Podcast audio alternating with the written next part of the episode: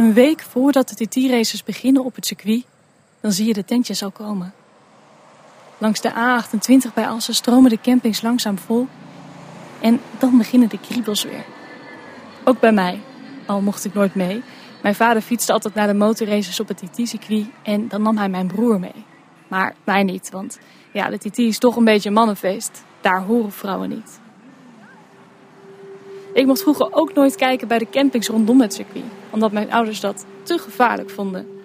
Daar ontstaat in een korte tijd namelijk één groot feest. Of eigenlijk een soort vrijstaat voor mannen. Ja, drank doet meer, uh, zeggen ze wel eens, dan je lief is, maar zo is het wel. Want ja, iedereen weet, op de TT-campings gaat het ook wel eens mis. En dat weet niemand beter dan Mieke Versluis. Zij werkt vrijwillig als eerste hulpverlener op de camping. En zo'n twintig jaar geleden staat Mieke met haar rug naar de straatkant. Ze is aan het kletsen met campinggasten. Het is druk en ze ziet de motorrijder niet aankomen. Toen stond ik op de dam, zeg maar, en ineens kwam die eraan, want er is een heel groot stuk asfalt. En die dacht, ik ga even racen. Een kennis van Mieke ziet de motorrijder nog net op tijd. Die heeft me weggescheurd. Dus ik ben uiteindelijk wel gevallen, maar meer door dat hij me voor die motor wegtrok. Het gaat net goed, maar het had met gemak veel slechter kunnen aflopen. Ze had wel dood kunnen zijn. Dat had ik ook kunnen zijn, maar het is niet gebeurd. Dus werkt ze gewoon weer door. Nou ja, het is je overkomen. Je adrenaline zit uh, uiteraard in je lijf op een heel hoog niveau. En, uh, en daarna ga je toch weer door. Want uh, je, bent, je bent ook bezig. En ja, dat zijn van die dingen, dat overkomt je geen tweede keer. Dit is Oerend Hart, een podcast van RTV Drenthe met verhalen over de TT. Aflevering 3, het aggregaat van Batsen.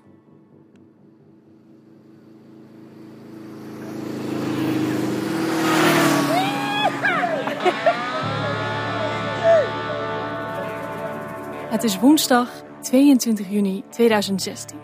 En motorliefhebbers uit het hele land komen naar Assen om in de laatste week van juni de motorraces te zien. En de meesten slapen dan op een camping vlakbij het TT-circuit. Daar lijkt het wel een sport van de campinggasten. Zorgen dat je plek er zo gek mogelijk uitziet. Bij een van de caravans staat een rij verkeersborden om te waarschuwen voor wildplassers. Daar rechts een muur van kratten bier. En even verderop hangen twee opblaaspoppen boven in een vlaggenmast. Eens per jaar gaat het internationale motorvolk los. Denk je, ja, dit begint weer. En dan komen de kriebels ook weer. Ook de 59-jarige Mieke Versluis heeft er zin in.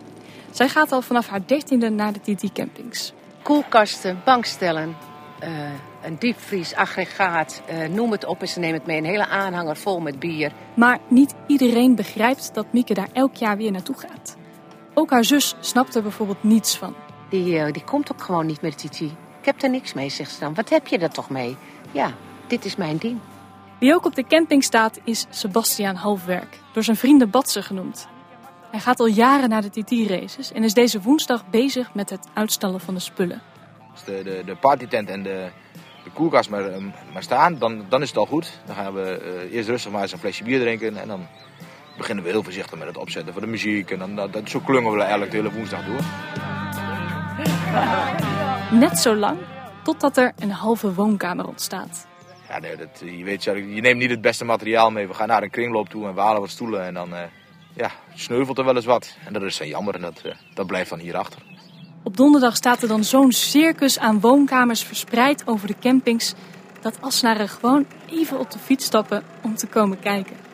Een varken aan het spit. Uh, en ze bestellen mensen. En nou ja, ze hebben hier wel een keer een paal gehad dat de danseressen kwamen.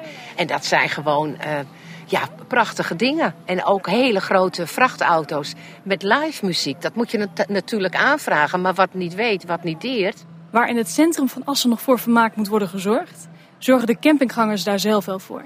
En zo ontstaat op de campings in een korte tijd een soort vrijstaat voor mannen. Er zijn mensen die komen hier uh, op een gigantische motor aan en een trailer erachter. Komen in hun driedelig pak. Die verruilen ze voor een t-shirt en een vieze broek. Dat is het vrije gevoel van motorrijders, denk ik. En heel belangrijk, Wat hier gebeurt, blijft hier. Hoewel, donderdagavond komt vriend nummer 7 aan op de camping van Sebastian. Hij gaat lekker zitten op een van de kringloopstoelen. Zo rechtstreeks uit zijn werk. Dus uh, nou ja, vermoeid. Toch een borreltje te veel. En dat, uh, dat ging even mis. Want als de jongens de volgende morgen weer wakker worden, vinden ze die vriend nog steeds zittend op een stoel. Maar met doorweekte kleren. Had s'nachts een ongelukje gehad. Die was met zijn zatte hoofd hier de sloot in gelopen. Maar dat kan de jongen zelf niet meer herinneren. Hij begon op iedereen te schelden van, uh, jullie hebben mij in die sloot geduwd. Ja, niemand wist wat van, iedereen lag te slapen. Nou ja, dus toen werden er filmpjes gemaakt. En toen was het, uh, ja, ophouden nou, want uh, mijn moeder heeft ook Facebook.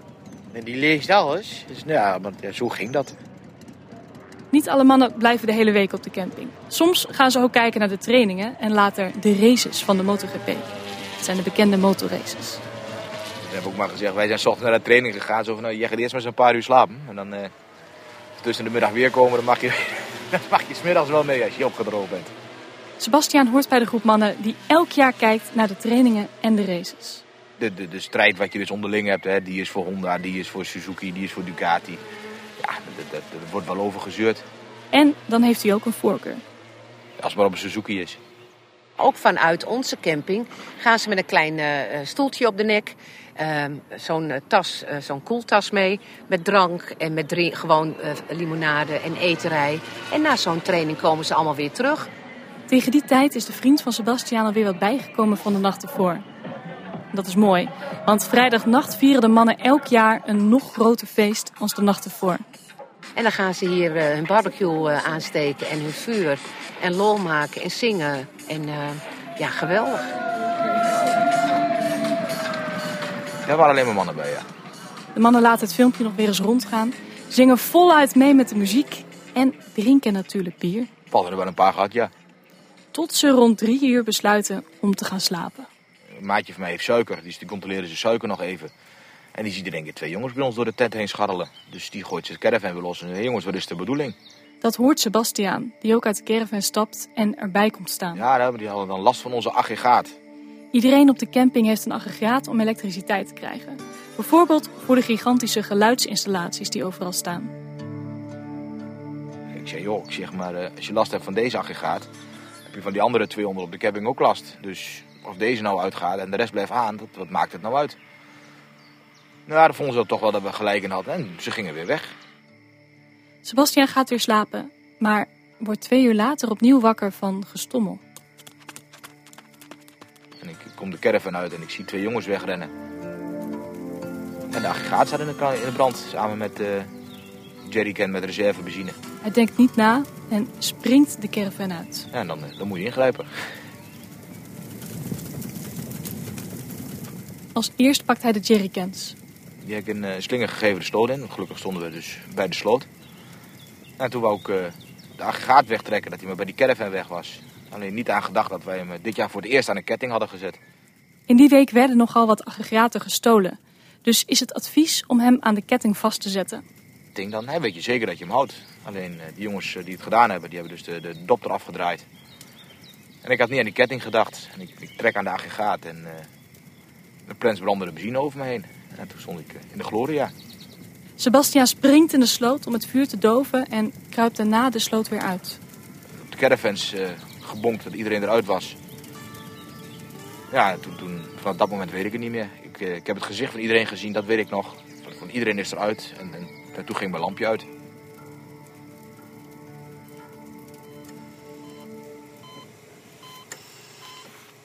Dat is het eerste jaar dat Sebastiaan de races mist. Ik had mijn uh, linker en rechterhand verbrand. Uh, dat, de rechterhand was eerste graads, de linkerhand tweede graads. Uh, mijn onderbenen waren derde graads. De enkels waren bijna tot op het bot verbrand. En de bovenbenen waren tweede graads. Zes weken ligt hij in het ziekenhuis in Groningen. Hij moet een tijd lang op een gesloten afdeling liggen en verliest zelfs zijn baan.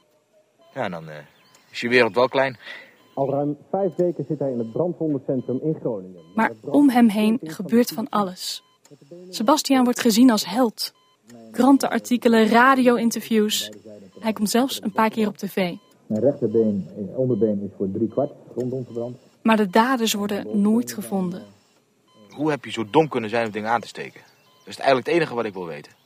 Ik, ik, ik kan me voorstellen dat is ook uh, onder invloed gebeurd. Het, het, het, zal echt geen bewuste actie zijn geweest of een doordachte actie. Toch kan hij het maar moeilijk vatten. Gewoon rechtstreeks zeven man in gevaar brengen. Maar ook, ook je eigen vriendengroep. Want als, het zijn allemaal tentjes, caravans, aggregaten. Als die caravan voor ons echt was gaan branden, dan was het als een fakkel over de camping gegaan. Soms overkomen je de dingen. Zoals Mieke met de motorrijder en zoals Sebastiaan met de brand.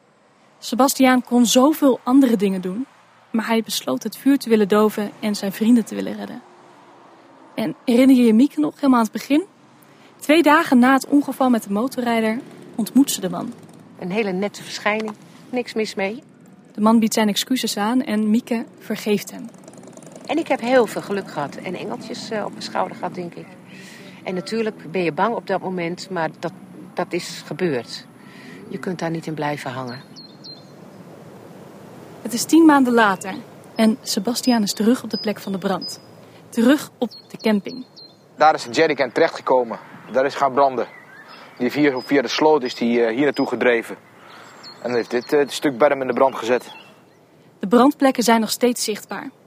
Ja, dat, dat verbaast mij nog wel, ja. Maar ja, het is voor, volgend, voor, voor, voor aankomend jaar weer makkelijker om ons plekje terug te vinden. Hè? Dus dan, dan staan we hier gewoon weer op hetzelfde plekje.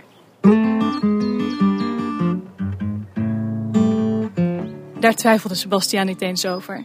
Dit jaar staat hij gewoon weer op de TT-camping. Hij maakt er na een paar weken al grappen over met zijn vrienden. Volgend jaar maar uh, shirtjes laten maken, kijken of Brandbier ons wil sponsoren. En dan uh, de Burning Stuntman, ja, een beetje, beetje gekkigheid. Hoewel hij nog steeds last heeft van de brandwonden, heeft Sebastian weer een nieuwe baan. Al acht maanden een vriendin die ook meegaat naar de TT-camping. En het gaat een stuk beter met hem. Hij kijkt uit naar de TT. We hebben nu echt een, een, degelijke caravan gekocht met elkaar. Dus ik, eh, via Suzuki Nederland, via een kennis van mij, hebben we VIP-kaarten gekregen. Dat ze toch allemaal heel erg heftig vonden uh, wat er gebeurd was en hoe er gehandeld was. Dus ja, die laat ik niet overstuur gaan natuurlijk.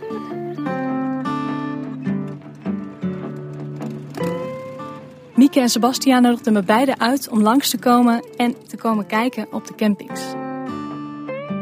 En weet je wat? Als je deze podcast luistert, ben ik er waarschijnlijk al naartoe gefietst. Met een paar biertjes in mijn rugtas.